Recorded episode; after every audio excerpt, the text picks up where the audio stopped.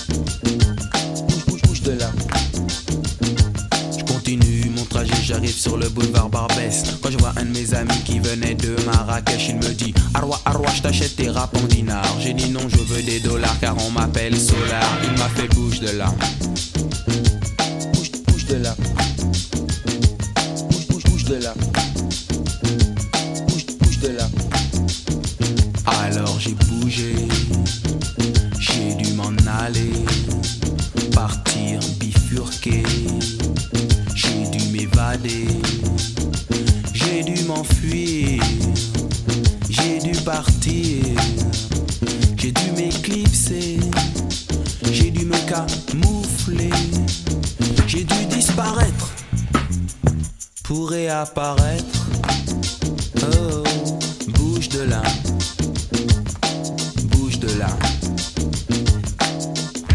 Overigens is Simon D inmiddels gewoon weer bij elkaar gekomen en zijn ze op dit moment op tour in Amerika. Maar genoeg daarover. In deze uitzending zullen we aandacht besteden aan het geluid van zwarte gaten in Pünktlichkeit und Actualiteit. De dood van Vangelis en de dood van Ricky Gardiner. En in de rubriek Houd het boek omhoog zal de Mighty Mike het gedicht Boodschappen voordragen. Maar nu eerst de liters van Holy Fuck en Agnes Andrew.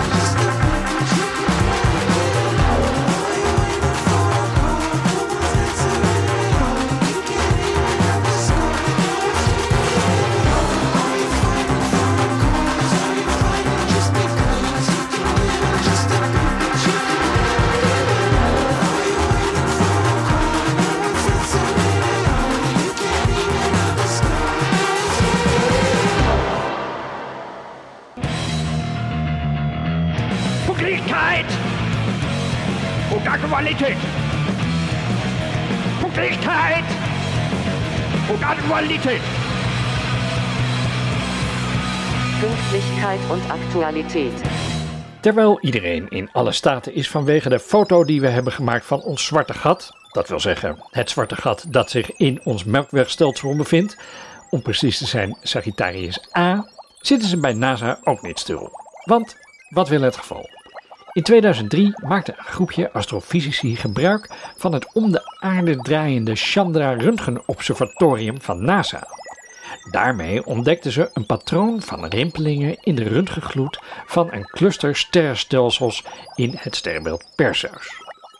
Deze rimpelingen in de röntgengloed vinden met een regelmaat plaats en veroorzaken drukgolven. En daarmee zijn ze dus geluid.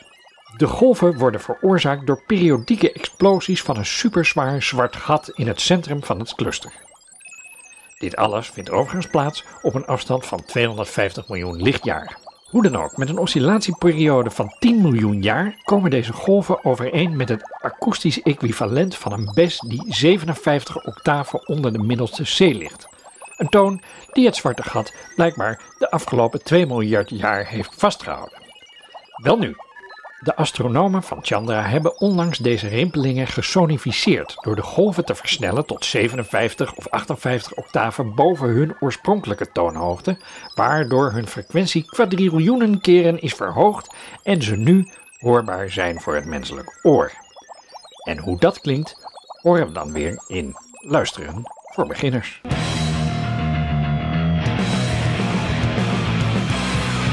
Pünktlichkeit und Aktualität.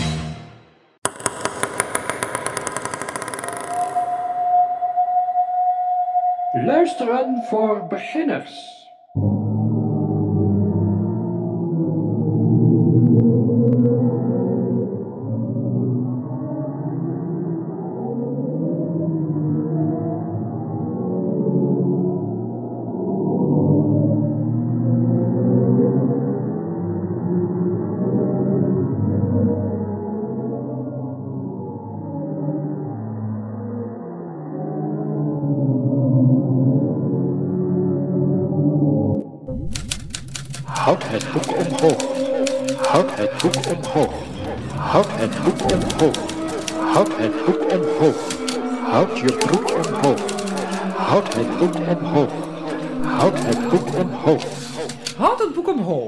Een zwakke poging om het geschreven woord overeind te houden.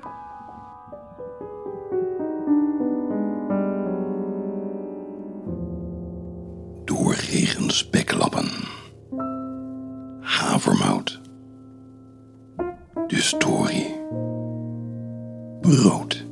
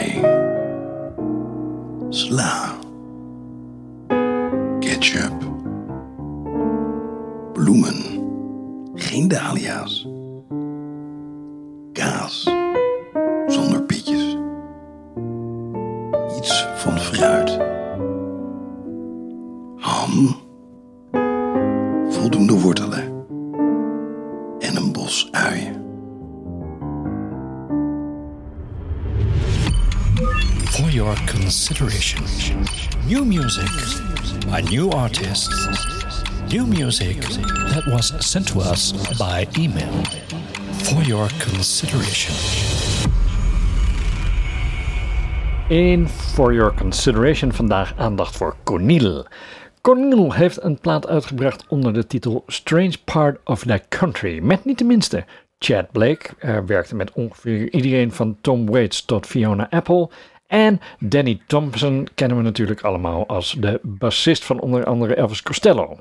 En voor wie het zich afvraagt, Cornel is inderdaad de kleinzoon van de vermaarde Franse chef Jean Cornel. Ehm, nou, van het album Strange Part of the Country draaien we het nummer A Waterfall is a Poem, Pouring True in Rock en daar is geen woord Frans bij.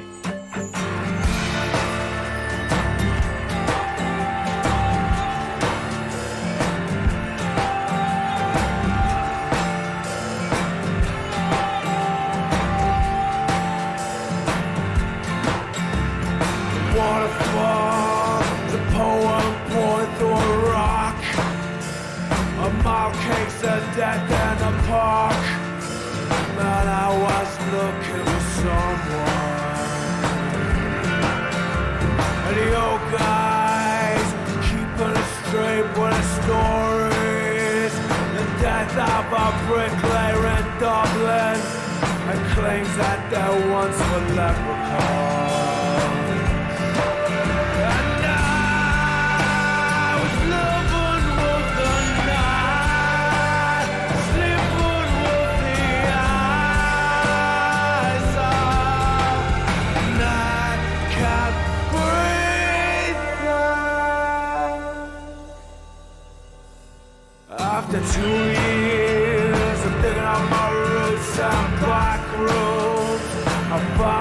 There was only one truth.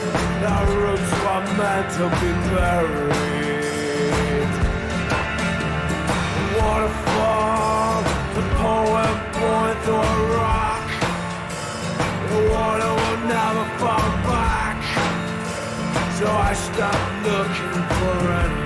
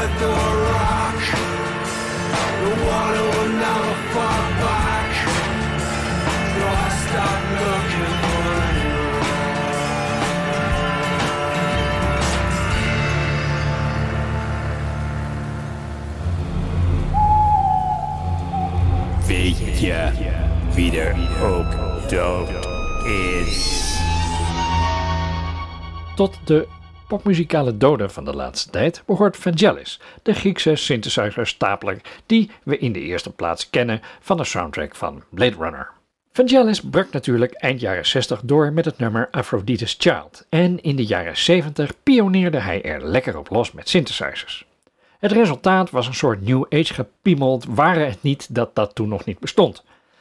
Veel van de muziek die hij in die tijd maakte onderscheidde zich niet wezenlijk van de krautrock-experimenten van bands als Can en werk van art-rockers als Brian Eno en eh, Peter Gabriel. Met krachtwerk erbij heb je dan eigenlijk de Europese oertechno wel te pakken. Maar wij kennen Vangelis natuurlijk vooral van de Oscar-winnende soundtrack van Chariots of Fire uit 1981 en de cult classic Blade Runner van Ridley Scott. Een film die bij het verschijnen in 1982 flopte in Amerika, maar in Europa toch al snel een cultstatus kreeg. En nu wilde ik eigenlijk in deze aflevering van Weet je wie er ook dood is ingaan op Ricky Gardiner, die dus ook dood is. Maar daar kwam Vangelis dus doorheen. En omdat we sinds vandaag ook een filmjingle hebben, dus dan toch maar Vangelis. The greatest trick the devil ever pulled. You know how to whistle. I got a bad feeling about Hate is a this. very exciting emotion. Give me back my phone. Get away from her, you bitch! You talking to me? Filmblikken. Een frisse kijk op film. Over het sci-fi film noir project van Ridley Scott dat gebaseerd is op Do Android's Dream of Electric Sheep van Philip Dick is sinds het verschijnen een hoop te doen geweest. En dan met name over de verschillende versies ervan. En na de sequel in 2015 zijn al die verhalen wel afdoende opgerakeld. Daarom beperk ik me vandaag even tot de soundtrack. Ridley Scott en Vangelis kenden elkaar omdat ze hadden samengewerkt aan een commercial voor Chanel. Ridley liet Vangelis een ruwe montage zien en niet lang daarna ging Vangelis aan de gang in zijn eigen Nemo studio te Londen. Met behulp van een tiental synthesizers probeerde Vangelis live mee te spelen met de beelden, zodat hij precies op het juiste moment kon reageren op de beelden. Eerlijk gezegd, voortdurend dreigt de muziek te ontaarden in film noir kitsch van de bovenste plank. Maar aan de andere kant is dat juist misschien wel goed, want het idee sluit goed aan bij het hele concept waarin de toekomst oud is. Wat ook in de beelden tot uiting komt en wat Philip Dick ook in Do Android's Dream of Electric Sheep uit 1968 al neerzette. En Dick had dat dan weer van Carl Jung. Maar dat laat ik even liggen, want we hadden het dus over film en niet over boeken. En daar is een andere rubriek voor. Ik wilde maar zeggen.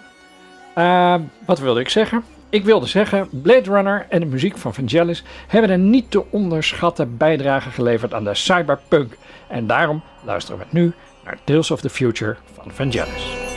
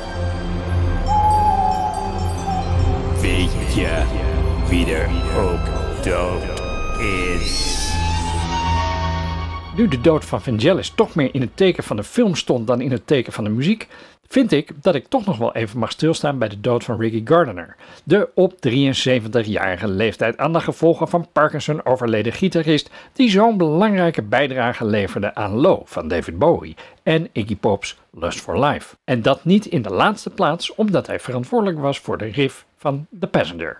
Een grappig verhaal over Ricky Gardiner is overigens dat hij werd gevraagd om de partij van Robert Fripp over te nemen tijdens een live uitvoering van het nummer Heroes in het tv-programma Top of the Pops. Gardiner wist niet dat Fripp een zogenaamde e-bow had gebruikt om de aanhoudende tonen uit Heroes te produceren. Nou kun je je afvragen wat de neuk is een e-bow en dat zal ik daarom eventjes uitleggen.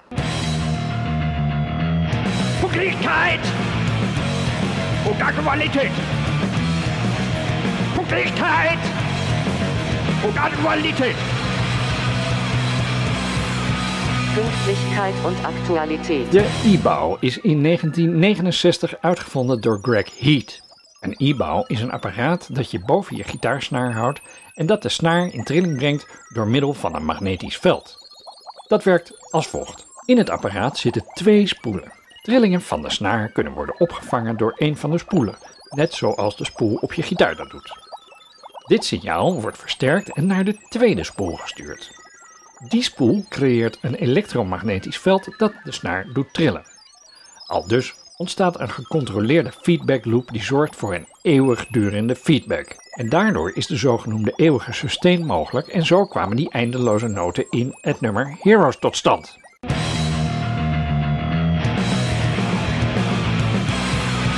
Pünktlichkeit und Aktualität.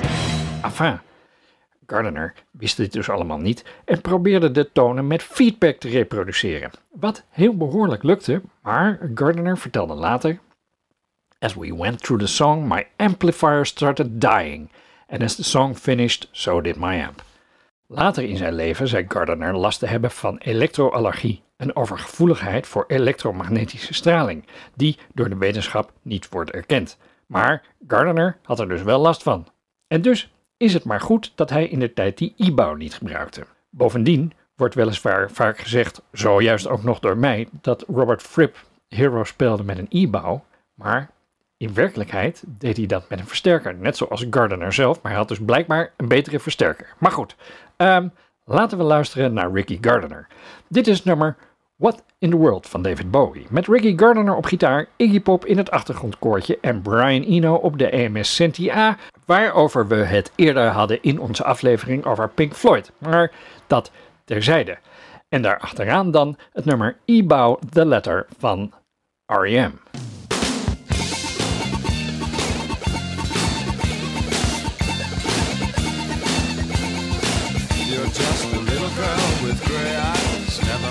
Say something. Wait until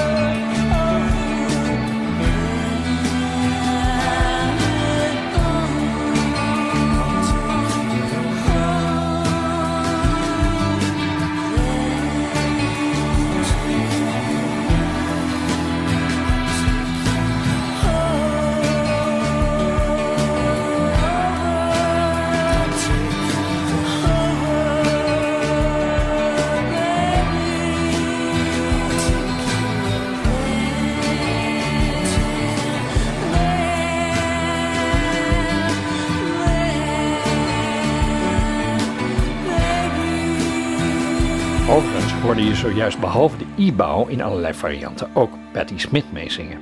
En de letter waar het hier over gaat is de brief die zanger Michael Stipe wilde sturen naar River Phoenix met welgemene adviezen over de mans drugsgebruik.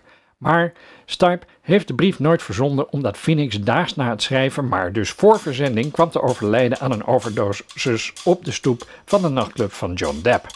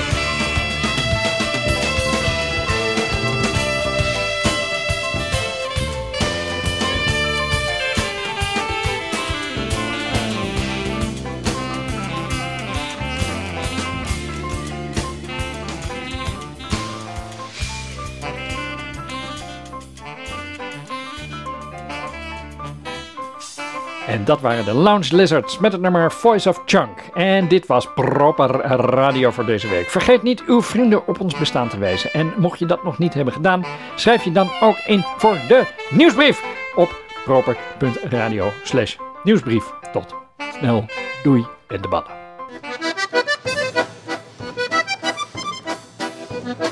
Dit was Proper Radio. Rechtstreeks vanuit een stoppenkast. Uitzending op Proper Radio.